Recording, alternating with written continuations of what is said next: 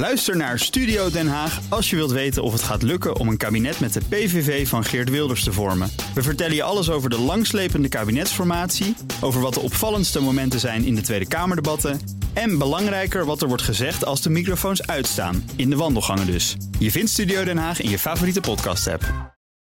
Scherp. BNR Nieuwsradio. The Big Five. Art Rojakkers. Goedemorgen. Welkom bij uh, BNR's Big Five. Is echte verandering op handen met een nieuw kabinet in het verschiet? Gaat het deksel binnenkort van de Haagse kaasstolp? Deze week in de Big Five, de nieuwe bestuurscultuur. Wat komt er nou werkelijk van terecht en hoe dan? Met vandaag Tweede Kamerlid Pieter Omzicht bij me. De voormalig CDA beet zich vast in toeslagenaffaire... kwam met een burn-out thuis te zitten... en is nu als eenmansgroep terug in de Tweede Kamer. Hij is een voorvechter van die nieuwe bestuurscultuur... schreef er zijn ideeën over op in een boek... Het nieuwe, of een nieuw sociaal contract. Welkom.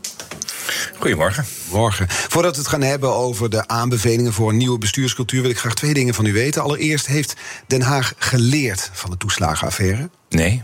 Mooi, dat is een kort antwoord. Helemaal niets. Nou, dus als u tussen ja en nee moet kiezen, dan, uh, dan is het uh, bijna niets nog. Uh, nee. Dat zal ook een lang proces zijn. wat er mis is gegaan, is heel lang en heel diep misgegaan. En dat vergt echt grondig herstel.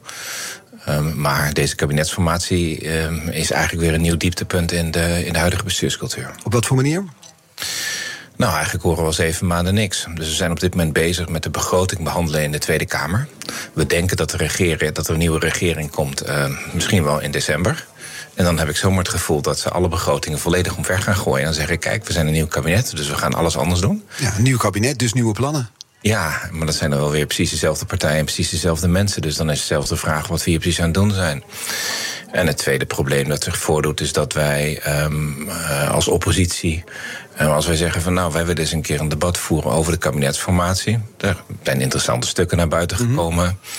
Jullie willen misschien wel 15 miljard uitgeven uh, voor de stikstofcrisis. Daar wordt het geblokkeerd, zo'n debat, hè? Dat wordt helemaal geblokkeerd. Daar, dus elke krant en elke. Elk radiostation mag het erover hebben. Maar de enige die het er niet over mag hebben is de Tweede Kamer. Omdat er vier partijen zijn die het niet over de kabinetsformatie willen hebben. Kijk, dat kun je best voorstellen een aantal weken na de verkiezingen. Maar zeven maanden daarna, terwijl je alle plannen van Nederland aan het maken bent. Nee, dat kan echt niet. Tweede vraag die ik heb voordat we allerlei dingen gaan bespreken. Ook die formatie hoor. Is, is van welke functie elders u wel eens heeft gedrag, dagdroom tijdens uw burn-out? Geitenhoeder op Sicilië of uh, kluizenaar op de hei?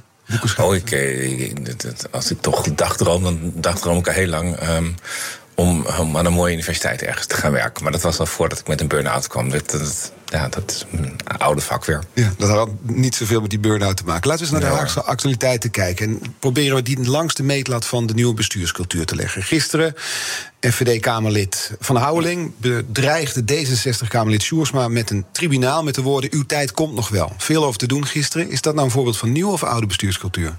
Nou, dat is een voorbeeld van totaal verkeerde bestuurscultuur. Kijk, uh, wat uh, Van Houwelingen hier deed, is het ontkennen van de huidige rechtsstaat. Nou heb ik grote moeite met hoe de rechtsstaat functioneert. Maar als jij zegt dat je uh, van jezelf tribunalen wilt opzetten, dus een andere rechtsorde wilt opzetten, terwijl je hier de wetten maakt, dan um, moet je afvragen waarom je um, in de Tweede Kamer zit om wetten te maken. En uh, daarom was dit een, een, een, bizarre uitspraak. Ik, ander beleid voorstellen, prima. Totaal niet eens zijn met het kabinet, helemaal prima. Een keer grote woorden gebruiken, nou, dat doen we allemaal wel eens. Maar daar, daar, daar, ging het hier niet om. Hij plaatste zichzelf buiten de rechtsorde en zit zijn eigen rechtsorde op te stellen. En ja, dat is eigenlijk heel gevaarlijk. En ja. dat moet je dus niet doen. Ander nieuws van gisteren: het formatiedocument dat Gert-Jan Segers liet slingeren in de trein. Volkskrant kreeg het in handen, probeerde bevestigd te krijgen dat het authentiek was. En kreeg letterlijk te horen van voorlichters, zei de journalist: We gaan het verhaal plat trappen. Typisch voor de oude bestuurscultuur, zei de journalist. Ja, dat is, maar dat is helemaal typisch. Uh, de voorlichters hadden beter kunnen zeggen: kijk, in september waren we gewoon bezig met het maken van plannen. Want zo erg was het niet dat ze met elkaar zaten en zouden denken: wat willen we met Nederland? En ze hadden gewoon kunnen zeggen: ja, hier, natuurlijk zijn we dit aan het doen. Wat denkt u anders dat we aan het doen zijn? En dit is namelijk wat wij ook verwachten dat ze zouden moeten doen. Dan miste Wat ik is de Haagse reflex om dat niet zo te zeggen? Om dan te Dat zeggen, snap ik niet, gaan omdat, ze, omdat, omdat iedereen denkt dat. De, de- omdat Den Haag de enige plek is waar een wedstrijd speelt. waar iedereen na de wedstrijd wil zeggen dat ze met 10-0 gewonnen hebben. Ja. Terwijl je bij een onderhandeling is het heel logisch dat je wat geeft en wat neemt. En als je met vier partijen zit, al helemaal. En als je die werkelijkheid niet wilt ontkennen, maar een totale fictie, een sprookjeskasteel ernaast wilt bouwen, ja, dan ga je praten over plattrappen. Dan ga je praten over het gebeurt niet. En weet je wat er dan gebeurt? Dan krijg je nog meer ressentiment in de samenleving over. Ja, wat, wat zijn ze nou mee bezig? Terwijl je las- dit gewoon. Ja, kijk. Het is een- Terwijl je dit ook gewoon had kunnen uitleggen. Dat er gebeurde namelijk niks raars. Ja, behalve dat hij niet dat moet laten slinkeren. Maar dat kan gebeuren. Dus de reactie van Segers daarin, dat hij het er toegaf, is dan... Heel netjes. Ja, ja. Ik las dat formatiedocument, heeft u natuurlijk ook gedaan. Geen woord, geen letter over nieuwe bestuurscultuur. Helemaal niks. Teleurstellend? Ja, en ook helemaal niks over de huidige zorgcrisis. Dus er waren nog een paar dingen die men nog niet. ehm, nou ja, teleurstellend. ehm, mag ik zeggen dat dat ongeveer mijn verwachting is? Want ehm, het grootste probleem met de nieuwe bestuurscultuur is dat iedereen het erover heeft. En in elk document dat het ertoe doet, staat het niet. Dus Mark Rutte, die hier komt aanfietsen en zegt: Ik heb ehm, radicale ideeën. Nou, ik- ik, ben rechtop gaan zitten op mijn stoel. Ik dacht, nou, komt dan het. gaan we het krijgen. Ja. Ik heb ze nog steeds niet gehoord. Sigrid Kaag die zegt: ehm, hè, nieuw leiderschap. Nou, ehm, ben benieuwd wat ze ermee bedoelt. Dan komt dat documentje naar buiten van een poging tot een aanzet, tot een proeven, tot, tot iets wat geen regeerakkoord mag heten van de. VVD en D66. Geen woord. Dus ik doe een heel boek concrete voorstellen van een grondwettelijk hof tot een nieuw kiesstelsel. Tot veranderingen ehm, in, de, in de rechtspraak, tot eh, beter toezicht. Eh, nou, Een heleboel punten had u een inderdaad. heleboel Ja. zeer concrete hervormingsvoorstellen. En ik dacht van nou, ja, dat ze ze niet allemaal gaan overnemen, dat snap ik. Dan had ik er maar moeten zitten. De meeste stonden per ongeluk in het CDA-verkiezingsprogramma. Want ja, daar had ik toevallig aan meegeschreven. Ehm, maar geen van die voorstellen, geen, stond in één van die twee documenten. En dat is toch wel heel teleurstellend. Ze luisteren niet naar u. Nee, dat was ik al gewend. Ja. Ja, ze praten over mij in het kabinet. En eh, eh, de- de- de- dat was natuurlijk het, het, het, het meest rare is in Den Haag... is dat we geen vaste rolopvatting hebben. Wat bedoelt u daarmee? Nou, je hebt een taak. En je taak is, nou, als, als je als minister bent, om het land goed te besturen. Als Kamerlid om die Kamer te controleren. Maar de Venetië-commissie die merkte al op van... Dus de commissie van de Raad van Europa die heeft op uw verzoek eigenlijk naar onze democratie Verzoek van het hele parlement, Ja, exact. dankjewel. Ja, daar, hebben we, daar gaan we het later uitgebreid over hebben. Maar de, de rolvastheid bedoel ik mee dat iedereen zit met iedereen te praten, een soort polder. En we praten Ja. hier allemaal met elkaar op de vierkante kilometer, maar we hebben het nooit met de mensen in het land wat er gebeurt. En daarom missen we dingen als toeslagenaffaire. Daarom lossen we zaken als gewoon niet op. Daarom zijn wij in Den Haag verbaasd als we erachter komen dat er tienduizenden kinderen per jaar uit huis geplaatst worden, terwijl heel Nederland dat weet. Ja. De- dat vorige kabinet viel, u noemde het de toeslagenaffaire, daar is het kabinet natuurlijk op gevallen. Dezelfde regeringspartijen zijn nu aan het praten over kabinetsvorming. Dat vergt wat geestelijke lenigheid ook van de kiezers om te denken dat dat zal leiden tot nieuwe bestuurscultuur. Ja, ja, kijk, eh, dat is waarom ik die memo voor de formateurs geschreven had. Ja, u ging langs bij de formateurs met adviezen eigenlijk hè, over die, eh, die nieuwe cultuur ook. Ja, nog eens een keer uitgewerkt van wat is dat tienpuntenplan van mij? U moet wat doen aan bestaanszekerheid. Verdween het in de bovenste of de onderste laat toen u daar kwam zitten? Er waren geen laadjes, het was Oh. alleen een tafel. En het heeft op tafel gelegen. Ja, met de letters naar boven of naar beneden? Eh, dat weet ik niet. Maar helaas zat het niet in het mapje van Segers. Dat, eh, als het daar nou in gezeten had, dan wist ik tenminste dat ze het besproken hadden. Dus Ja. ik was eigenlijk wel teleurgesteld dat er drie documenten in zaten, maar deze nou weer net niet. Ja, ja. Kan nou zo'n nieuwe bestuurscultuur, dat vragen veel, dat is deze week is dat vaak ter sprake gekomen. Kan zoiets tot stand komen onder een minister-president, onder Mark Rutte, die al zo lang ook staat voor de cultuur die we kennen? Dat is bijna onmogelijk. Maar dat is ook waarom het laatste stuk van mijn advies was: als u echt een ander kabinet wilt hebben, dan, en echt een andere verhouding tussen parlement en kabinet, ja, dan denk er dan eens over na om als politiek leiders in de Kamer te gaan zitten. Daar ben je ook gekozen. De functie elders is het kabinet voor hun. Hè? De gekozen functie is als Kamerlid, want daar hebben ze zich voor laten kiezen.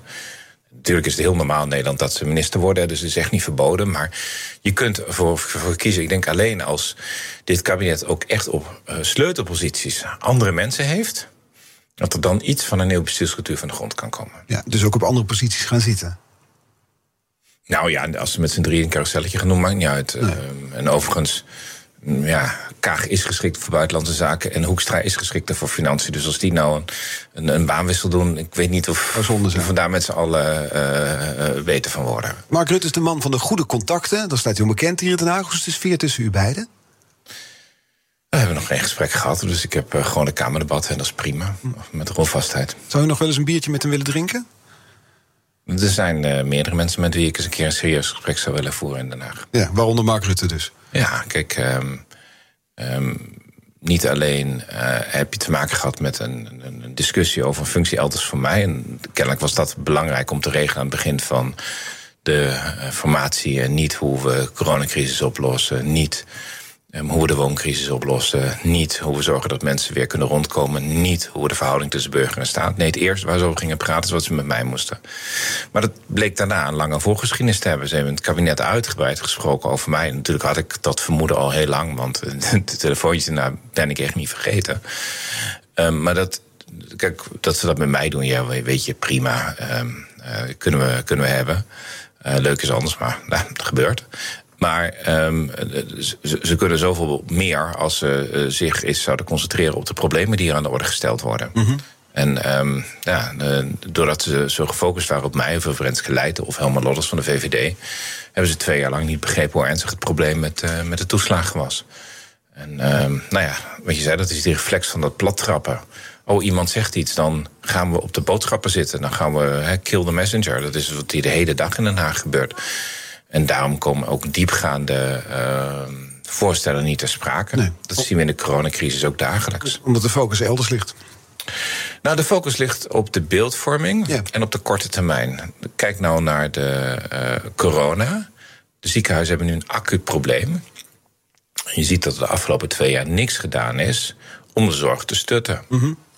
En er is niks gedaan om die ventilatie nu echt op orde te brengen. Dat zijn namelijk maatregelen die niet in een dag neemt. Dat duurt maanden. Het, nieuw, uh, het opnieuw opleiden van mensen.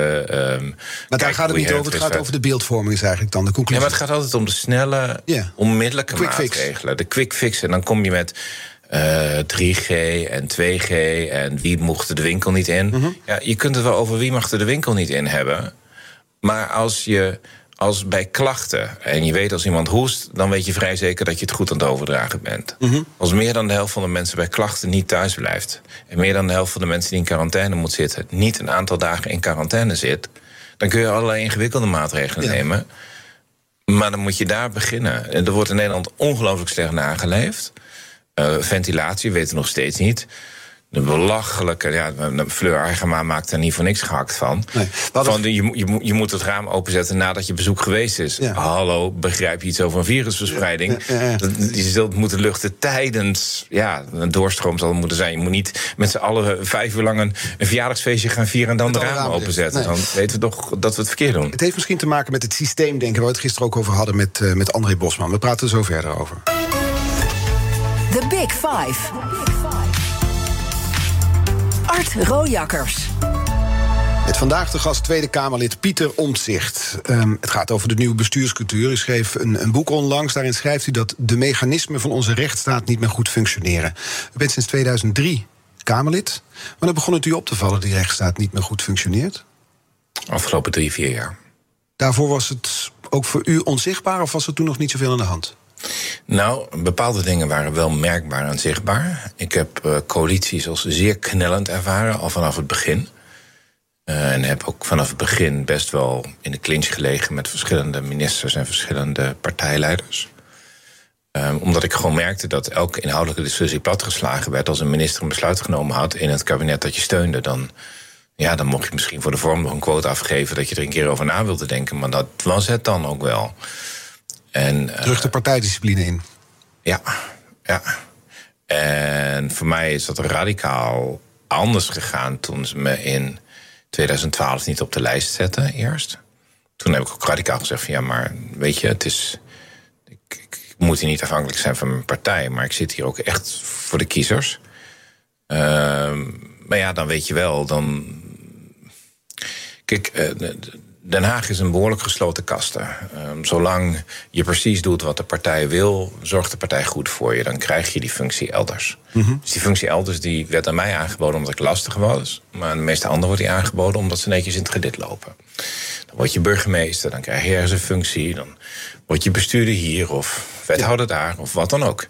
Als je lastig bent, uh, bijvoorbeeld omdat je totaal niet met je partijlijn eens bent. Er zijn twee verschillende soorten Kamerleden. Je hebt Kamerleden die, die hier uitdonderen omdat ze een keer gefraudeerd hebben of gedronken hebben. Nou, weet je, daar zullen we het even niet over hebben. Maar neem nou een Zinieus deel. Die zegt tegen GroenLinks: Wij zijn toch tegen het leenstelsel. Mm -hmm. bedoel, wij zijn toch voor de jonge generatie, wil er niet met schuld op zaten. Nou, echt, dat, was een standpunt dat in het hart van GroenLinks zit. Maar omdat de partijleider, Jesse Klaver, akkoord was gegaan met een leenstelsel, delfde Zini Usdeel het onderspit. En moet hij nu ergens anders. Ja, heeft de functie elders in ieder geval niet meer in de Tweede Kamer. Nou nee, maar ook niet in de rest van de partijnetwerk. Precies, hij is daar weg. Hetzelfde met Meerte Hilkens, ja. die als PvdA-Kamerlid zei... maar wat wij hier doen in het kabinet met Rutte... Uh, dat kan echt niet. Nee. Nou, een schreeuwende Diederik Samson. Meerta verlaat uiteindelijk de politiek. De PvdA bekommert zich niet meer om je. Dus als je het niet eens bent met de partijlijn en er een opmerking over maakt, dan word je ook als oude kaas behandeld in het politieke stelsel. En dat lijken weinig mensen zich voldoende te realiseren wat voor druk dat op politici legt. Ja, en ook op u bijvoorbeeld. Ik las een samenvatting van uw 18 jaar bij het CDA. De kop daarboven was van terrier tot teringhond. Ja. Gezellig. Ja, dat was een beetje, want u was de terrier bij de Bulgare fraude, daar begon het al, later de toeslagenaffaire. En u werd in, uiteindelijk, hè, schreef u zelf ook op, werd u in, in allerlei appjes omschreven als teringhond. Dat is dan de samenvatting van die jaren. Ja, dat was ook het campagneteam waar ik zelf als nummer twee niet eens bij mocht zijn. De samenvatting van de afgelopen, van de afgelopen anderhalf jaar is uh, weinig vrolijk maken. Dus ik voel me eigenlijk ook wel gewoon opgelucht dat ik nu gewoon mijn eigen standpunt uh, kan uitdragen. Omdat ik me 100% als volksvertegenwoordiger kan opstellen en met voorstellen kan komen. Nou, dat doe ik ook. En in hoeverre heeft dat, wat we nu bespreken, te maken met bestuurscultuur? Of is het eerder de cultuur van politieke partijen en coalitiepartijen zoals we die nu eenmaal kennen hier in Den Haag? Nou, de bestuurscultuur valt uiteen in. Kijk, in die toeslagen, in dat toeslagenschandaal zie je dat de rechtelijke macht niet gefunctioneerd heeft. Die hebben daar ook een rapport over geschreven. Die gezegd: we hebben eigenlijk de burgers jarenlang geen recht gedaan. Mm -hmm. Pardon, dat is je kerntaak. Vrijdag gaat de Raad van State zichzelf evalueren. Maar de autoriteit persoonsgegevens, nou, heeft de Raad van State gisteravond als nog aangevallen gegeven, in, ja. in Nieuwsuur. Um, dat heeft te maken met een, uh, een uitvoeringsorganisatie, de Belastingdienst, die ook al krijgen ze honderdduizenden telefoontjes van die ouders niet in staat zijn om te herkennen dat er dan een probleem is. Dat zegt nogal wat. Die hebben gewoon duizenden bezwaren blind afgewezen. Dus die hebben de wet niet uitgevoerd. En er is kennelijk niks in dat apparaat dat al zegt... ho, wacht even, waar zijn we mee bezig? Volgens André Bosman, mijn gast gisteren... Ja. oud-VVD-Kamerlid, die een rapport ook hierover heeft geschreven... hij zegt dat heeft te maken met systeemdenken. Er is te veel vertrouwen in het systeem. Er is dat klopt, er is te veel vertrouwen in het systeem zelf. Um, alles is gecompartimentaliseerd. Dus niemand heeft overzicht over het hele proces van het begin tot het einde. Uh, dus ergens wordt iemand bestempeld als fraudeur. En bij het volgende hokje is die dan fraudeur. Dus wordt hij slecht behandeld. En bij het volgende staat dan fraudeur heeft niet betaald. Nou ja, dan wordt, dat, dan wordt hij het huis uitgezet. Maar niemand die al die vier stappen samenzet en zegt van... oh, maar dit heeft te maken met dat die persoon misschien één paragraaf op zijn contract niet gezet heeft... en dat eindigt in een uithuiszetting. Oh, wacht even. Mm -hmm. Maar omdat je dat proces heel niks opgeknipt hebt... omdat je, zoals Cenk Willings zo scherp zegt... een scheiding hebt tussen beleid en uitvoering. Mm -hmm. Terwijl die uitvoerders of ze nou bij het UWV of bij het CBR of bij de Belastingdienst of de IND natuurlijk precies weten wanneer beleid knelt. En die, kunnen het ook gewoon vertellen. Maar dan hebben wij uh, systeemdenken. Dan hebben we hier een politiek die volledig gefocust is, ook als Tweede Kamer. Want dan vroeg je net, nou, ik was nog maar net begonnen met wat er allemaal niet functioneert in dit land. Uh, nooit de wet behandeld als de wet. Het hoofddoel van een Kamerlid is zoveel mogelijk moties indienen en, en, en weet ik niet wat. Maar als je, zegt, als je in een wetsvergevingsoverleg zegt: nee, maar dat wetsartikel. Zullen we daar eens even goed naar kijken? Nou, dan kijkt iedereen glazig aan. Als je een abonnement op indient, wordt het gewoon standaard verworpen. Zegt, ja. nee, maar er, komen, er komt een specifieke groep in de problemen. Ja. Voorbeeld in de kinderopvangtoeslag. Waar we hier tien jaar over gediscussieerd hebben. Als twee ouders hebt een van de ouders werkt, de, allebei de ouders werken. En een van de ouders krijgt een ongeluk. Breekt bijvoorbeeld de nek. Ja. Is niet fictief, hè? En komt in een verpleeghuis. Dat overkomt per jaar een honderdtal ouders. Een gebroken nek, een hele ernstige ziekte. Dat zijn gezinnen die kaart geraakt zijn. Dus dan, men, dan heb je het over mensen die totaal verlamd zijn. Helder, ja. Dan is de definitie van de kinderopvangtoeslag... is dat er twee ouders zijn waarvan er één niet werkt... en je dus geen recht hebt. En wij zitten dan. En dan mag je naar de gemeente, dan mag de gemeente wat doen, maar de gemeente doet nooit wat. Nee, en dat heeft dus en die mensen die moesten allemaal terugbetalen. Die mensen worden nog steeds niet geholpen in dit land die terug en moeten betalen. En dat heeft dan mogelijk te maken met het systeem. Met die, nee, maar ook met de, nee, dat heeft te maken met de coalitiedwang. Want iedereen ziet dit probleem. Dit probleem dat ik je nu uitleg, dat snap je binnen twee seconden. Ja. Die, die, die, die vaders die we gezien hebben, die zaten in een rolstoel en die konden niet praten. Ja, als je in een WLZ-instelling zit, in een verpleeghuis, dan kun je niet voor je kinderen zorgen. Anders zat je niet in het verpleeghuis. Dat lijkt me volstrekt evident. Maar dat- en het duurt acht tot tien jaar voordat zo'n probleem in de Kamer besproken is, totdat het leidt tot een wetswijziging. Ja, maar dat zou je dus kunnen oplossen met de menselijke maat in het systeem. Dat is deze week ook een paar keer Nee, maar nee, dat is niet de menselijke een maat. lokaat Waar, waar, een loket waar mensen terecht kunnen. Hou, hou op. Dat moeten we hebben. Maar dit soort gevallen, waarvan ik u tien kan geven, die hebben niks te maken met menselijke maat. Die hebben mee? te maken met een totale coalitiedwang. Ook. Ook als, je, ook als ik dit tegen journalisten zeg, dan hebben ze onmiddellijk over menselijke maat zo. Nee, als er in de wet staat da- als, als je geen wettelijke uitzondering durft te maken voor als iemand in een verpleeghuis zit, dat de andere partner, als die werkt, dan recht heeft op kinderopvangtoeslag, als waren die een alleenstaande ouder. Want dat is die persoon de facto. Dan heb je geen goede wetten gemaakt. Dan heb je niet nagedacht over je wetgeving. En dat is waar we als Tweede Kamer falen. En daar zit constant die coalitiedruk op. Iedere keer als je zegt, daar moeten we wat aan doen... dan zeggen ze, nou, daar mag je zelf dan voor betalen. Kost 10 miljoen, zeg maar, waar je het wilt bezuinigen. Zullen we even een goede wet maken hier? Dat is de kern van de taak die wij hier als parlement... eh, eh, gewoon verwaarloosd hebben. Ja, en dat is de afgelopen jaren gebeurd. We gaan er straks over verder spreken. We gaan eerst naar het nieuws toe. Dan spreek ik verder met Pieter Omzicht over wat de Tweede Kamer zelf ook kan doen om een nieuwe bestuurscultuur te realiseren. Blijf luisteren. Tot zo. Ook Harm Edens vind je in de BNR-app. Je kunt BNR Duurzaam niet alleen live luisteren in de app, maar ook terugluisteren als podcast, zoals al onze podcasts. En naast dat de BNR-app Breaking News meldt, houden we je ook op de hoogte van het laatste zakelijke nieuws. Download nu de gratis BNR-app en blijf scherp. Blijf scherp. BNR Nieuwsradio. The Big Five. Art Rojakkers. Welkom bij het tweede half uur van BNR's Big Five vanuit Den Haag. Ja, Pieter Omzicht, we staan hier in een bel, want de debatten gaan beginnen. Hè? Ja, eh, ik denk dat we 200 jaar geleden hier besloten hebben... dat je het met een bel kunt doen. Ja, In alle andere parlementen die ik ken heb je een schermpje hangen van waar je bent met de vergadering en wat de volgende spreker is. En wij doen het hier nog steeds met bellen. ja, die ook dus afgaat in deze studio. Dus voor de dus luisteraars... zelfs met een nieuw, nieuw gebouw hebben we niet gedacht van nou zullen we maar zo'n schermpje dus- neerhangen. nee.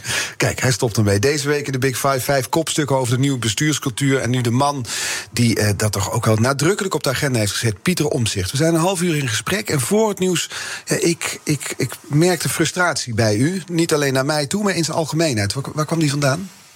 Nou, vermoeidheid. Ehm, we hebben hier dinsdag weer tot twee uur over corona gesproken. In een wijne een debat waar geen enkele vooruitgang geboekt werd. En ook eh, vermoeidheid om de bestuurscultuur te veranderen. Ehm, ik, ga nu, ik ben nu maar begonnen met zelf eh, voorstellen schrijven. Dus dat ben ik nu in de weekenden aan het doen.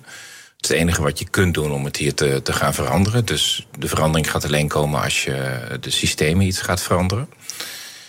Ehm, en eh, ja, wat ik dus zeg, ik heb het gevoel dat we alle begrotingen hier nu aan het behandelen zijn. Terwijl straks de nieuwe regering met een grote nota van wijziging komt. Dus zegt van we willen de begroting toch helemaal anders hebben. En dat alle kleine voorstellen zijn afgewezen. En dan in één keer komt een groot voorstel en dan gaan we het dan doen. Dus dan maakt dat hele proces van controle op de begroting, die zo belangrijk is. En dat wordt dan eigenlijk gewoon eigenlijk feitelijk overboord gezet. Voelde het nutteloos wellicht? Ja, dat woord wou ik nog net niet Nee, gebruiken. doe ik het voor u, Sisyphus-arbeid is dat dan. Maar er zat ook een frustratie in hoe wij als journalisten omgaan met, met dit thema, pro- proefde ik.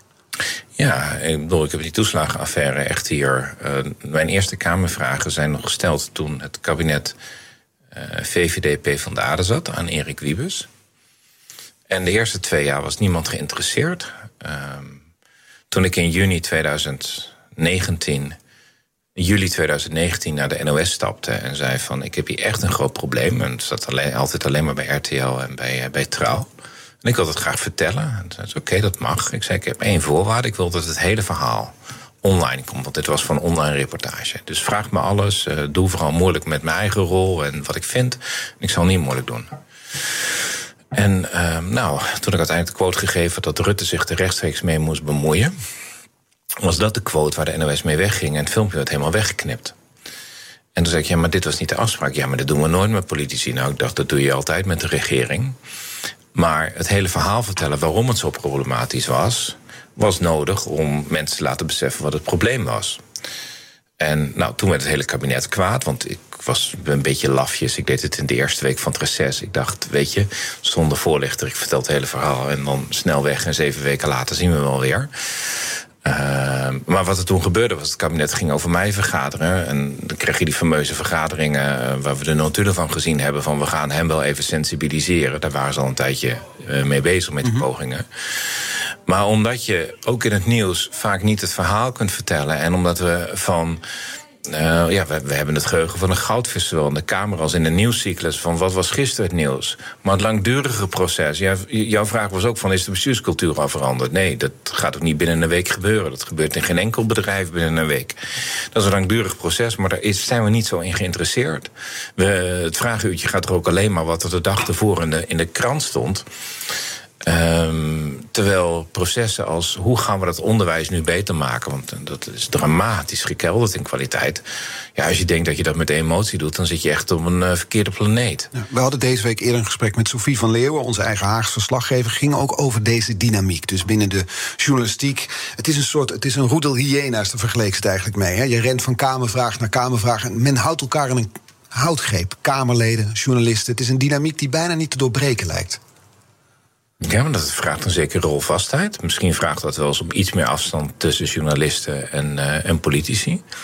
Uh, uh, als ik met buitenlandse media te maken heb, dan zie ik daar vaak een wat grotere professionaliteit en een wat grotere afstand.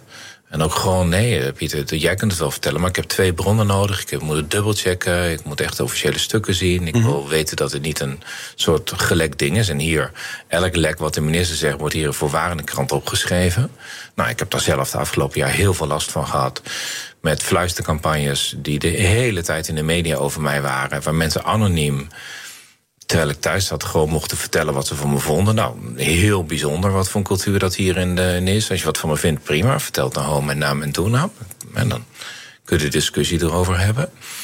En ja, ik mis toch wel de diepgang en de, en de wat langere termijn in het politieke proces, in de media.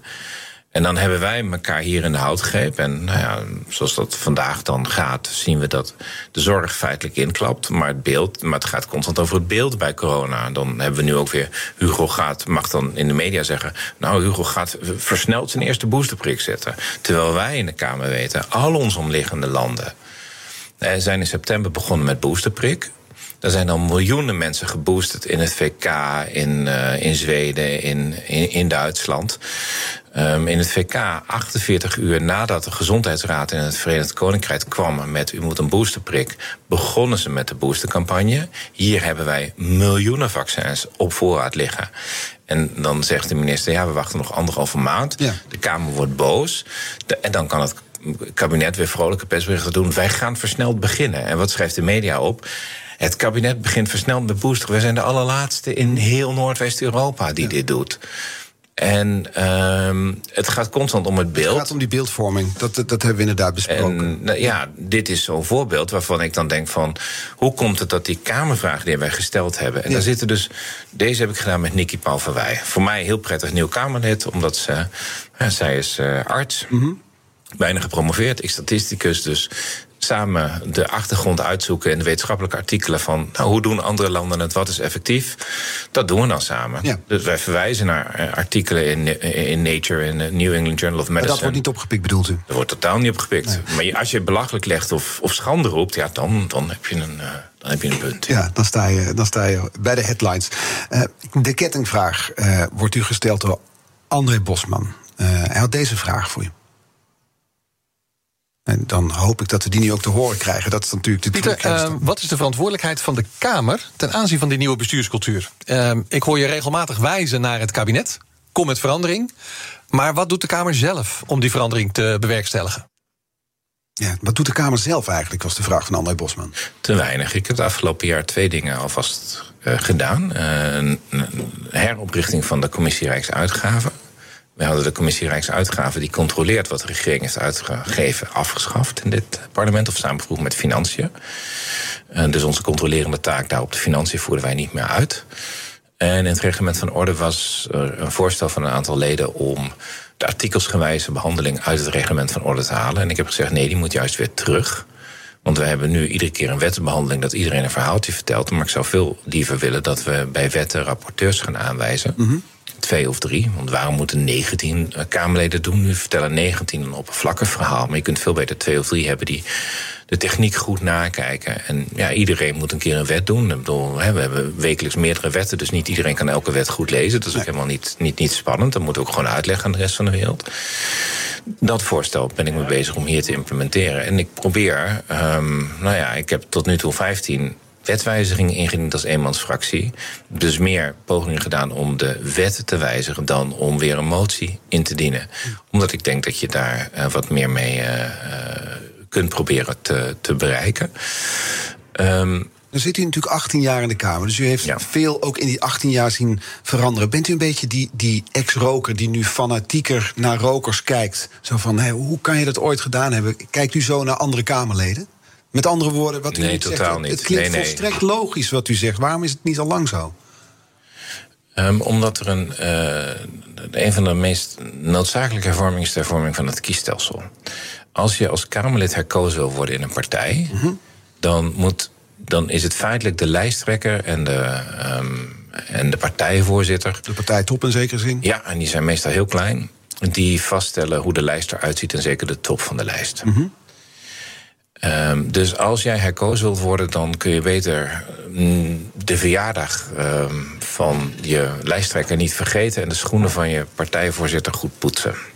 Dat is veel effectiever dan wanneer je voor je burgers opkomt.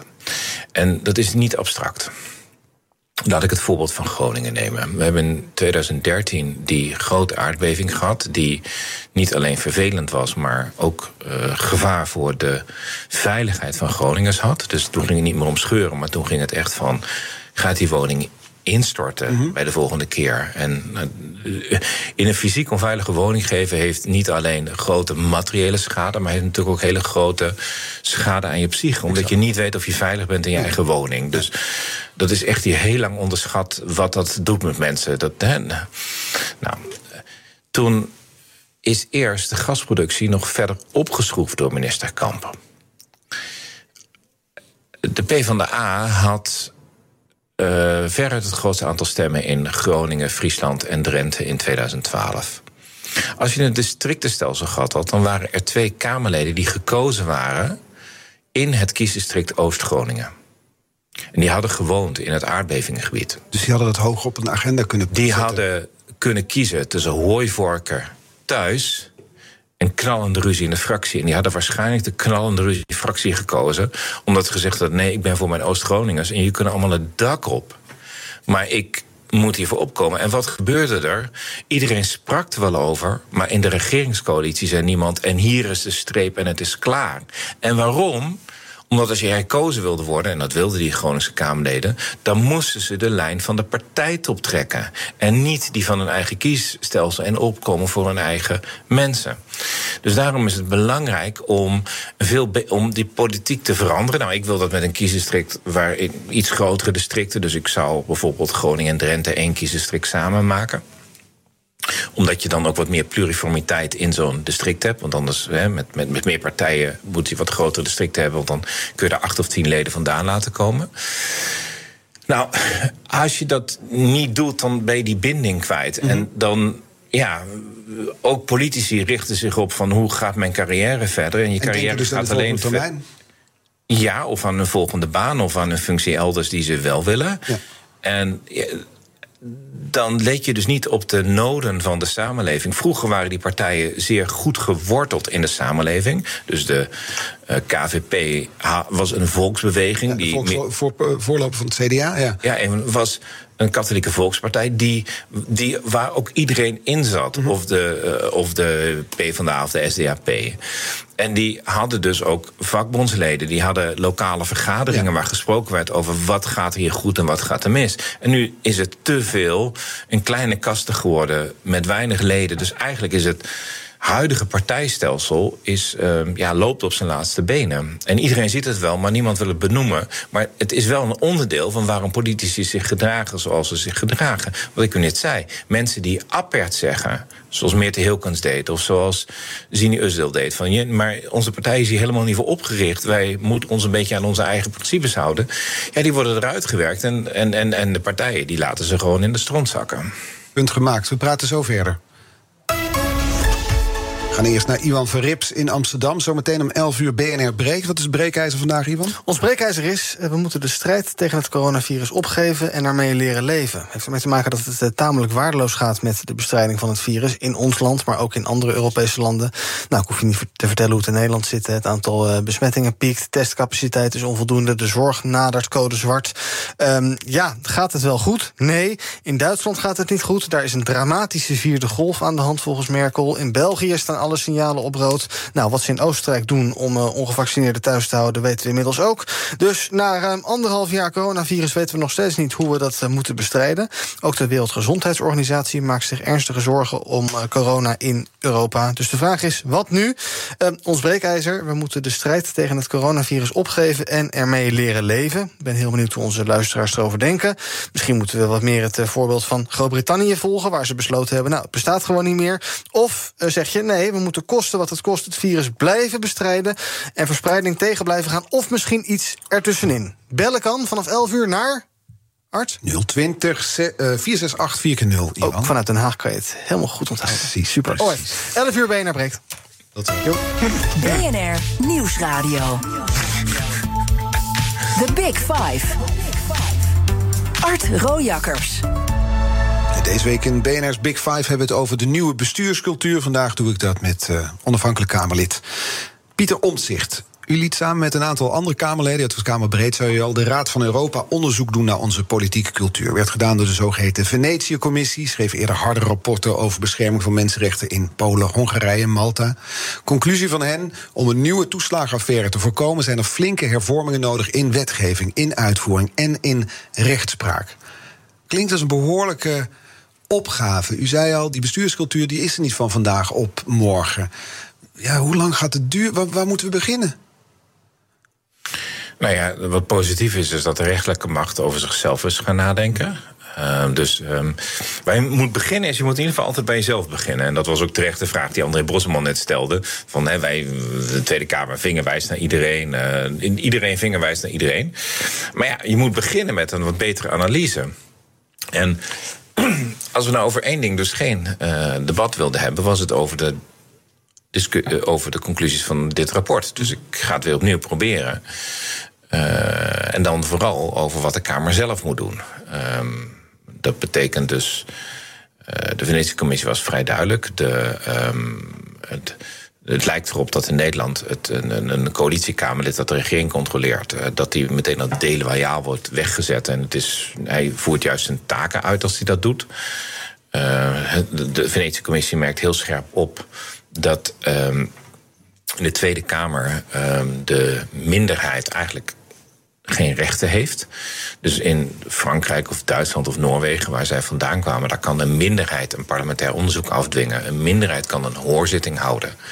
En hier kan de meerderheid dat blokkeren. Nou, ik gaf je net het voorbeeld van een debat over de kabinetsformatie. De meerderheid kan het blokkeren. Een onderzoek naar hoe we in Irak gekomen zijn. Nou, in het kabinet Balkende, daar was ik een van de steunende Kamerleden van. Hè. Dus daar werd tijdens de formatie een afspraak gemaakt om geen onderzoek te gaan doen. Want de regering wilde niet dat er iets over zichzelf onderzocht werd. Ja, en dus daar zijn we later op teruggekomen hè, als, als, als fractie. Maar... De Venetische Commissie zegt mede daarom dat de, de Tweede Kamer moet worden versterkt om tegenwicht te bieden aan het kabinet. Op welke vlakken zou dat kunnen gebeuren volgens u? Nou, de Tweede Kamer dient haar taakopvatting anders te doen. Um, Ik heb eens wat collega's in Duitsland en België opgebeld. En, nou, in Duitsland hebben ze ongeveer 250 moties per jaar, in België ongeveer 100. Wij hebben er 4000. Dat schijnen wij onze kerntaak te vinden. En de Duitsers die ik spreek zeggen: "Oh, onze kerntaak is wetgeving. Daar besteden we ons, al onze tijd aan. Nou, Dat om te beginnen.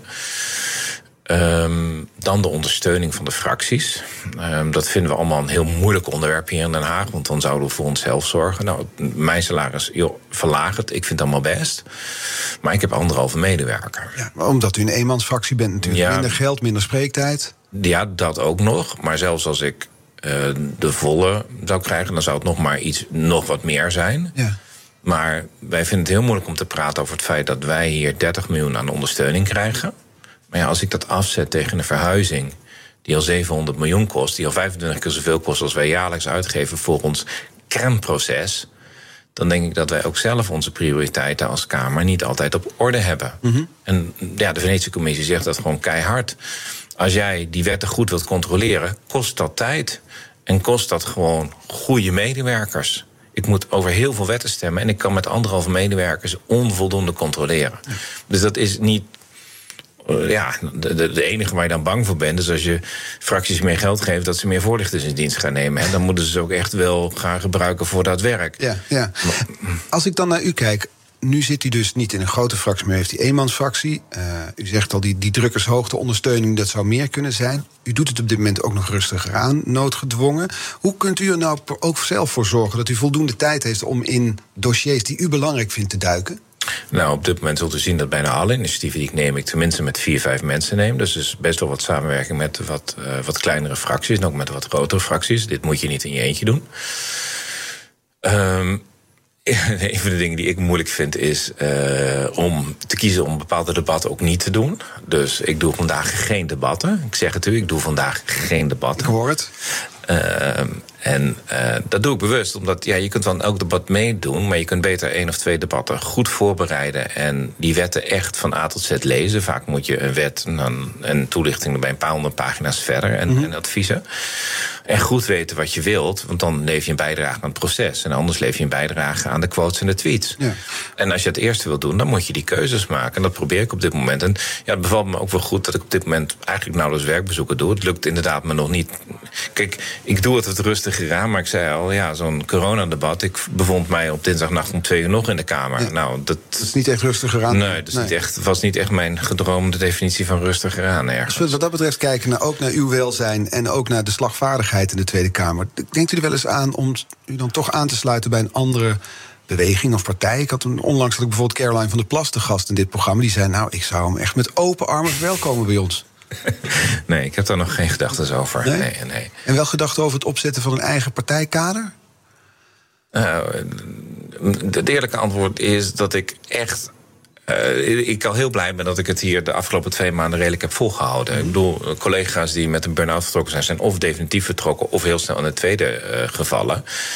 En ik moet zeggen, de terugkomst was niet gemakkelijk aan het begin, omdat er enorm veel media gewoon ook voor mijn deur stond fysiek. Dus daar zat ik op mijn eerste dag terug. De bedoeling was, nou Pieter, ga eens twee of drie uur per dag werken... en daar staan gewoon allemaal cameraploegen. Nou, dat is niet heel prettig als een rustige reïntegratie... die je zou moeten hebben ehm, naar, naar wat er gebeurd was. Nou, Uh, maar daar heb ik voor mezelf ook gezegd: ik ga gewoon een aantal maanden gewoon rustig mijn werk doen. Ik doe een aantal dingen niet. Ik kies ervoor om twee debatten te doen en ze goed te doen. Mhm.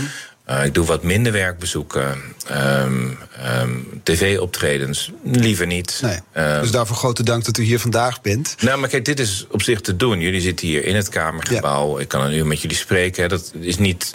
Maar voor mij, ik woon in Enschede. Dus een, een avond uh, naar, of, of, of, of naar buiten of moeten, is in Amsterdam ja. of Hilversum. Dat is voor mij in totaal zes, zeven uur werk. Ja. En dat is in een weekend vooral niet heel fijn. Toch is het nog heel even op het punt doorgaan. U peelt enorm veel zetels. U staat er goed voor. En die peilingen is natuurlijk. Je kan ervan zeggen wat je vindt. Maar ik kan me voorstellen dat het ook dan in, in het hoofd begint te spelen. Dat het het hoofd misschien op hol doet slaan. Nou, nee. Uh, ik, ik, u bent niet de eerste die het vraagt. Dat, dat zult u begrijpen. Uh, zowel van de journalisten. Ja. Nee, nee, het is een relevante vraag. Dus begrijpt u me niet verkeerd. Dus ik snap de vraag echt wel. Maar het speelt u nog niet. We, we nee, gaan, uh... heel bewust niet. Omdat ik, als ik dit rustig wil doen moet ik ook rustig beginnen. Dat doe ik nu. En ik doe rustig mijn werk. En ik neem op een gegeven moment een keer een besluit. Uh, laat ik u dan doen. zien we dat wel. En dan Ja. komt u vanzelf wel achter hoor. Morgen hoogleraar Carla van Balen. Dat wordt mijn gast morgen. U mag haar een kettingvraag stellen. De laatste half minuut die ons rest in deze uitzending. Wat zou u van haar willen weten? Ehm, vanuit de wetenschap. Ehm, je ziet nu dat de staatsmachten niet goed gefunctioneerd hebben in het toeslagenschandaal. Waar de Belastingdienst zich niet aan de wet hield. De rechters de weg niet geïnterpreteerd hebben. De Kamer niet goed controleerde en de regering niet goed uitvoerde. Wat zijn de mechanismes die je zou aanraden om ervoor te zorgen dat iedereen weer rolvast zijn taakopvatting uitvoert, ehm, zodat ze uiteindelijk hun werk doen waarvoor ze bedoeld zijn, richting de burger en niet alleen maar met elkaar mee praten. We gaan het er eh, morgen vragen. Carla van Balen dus de gast. En vandaag was dat Pieter Omtzigt, Tweede Kamerlid. Dank voor de komst vandaag. Nu op deze zender Ivan Verrips met BNR Breekt. Tot morgen.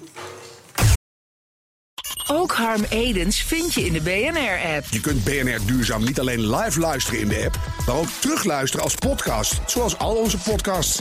En naast dat de BNR-app Breaking News meldt, houden we je ook op de hoogte van het laatste zakelijke nieuws. Download nu de gratis BNR-app en blijf scherp.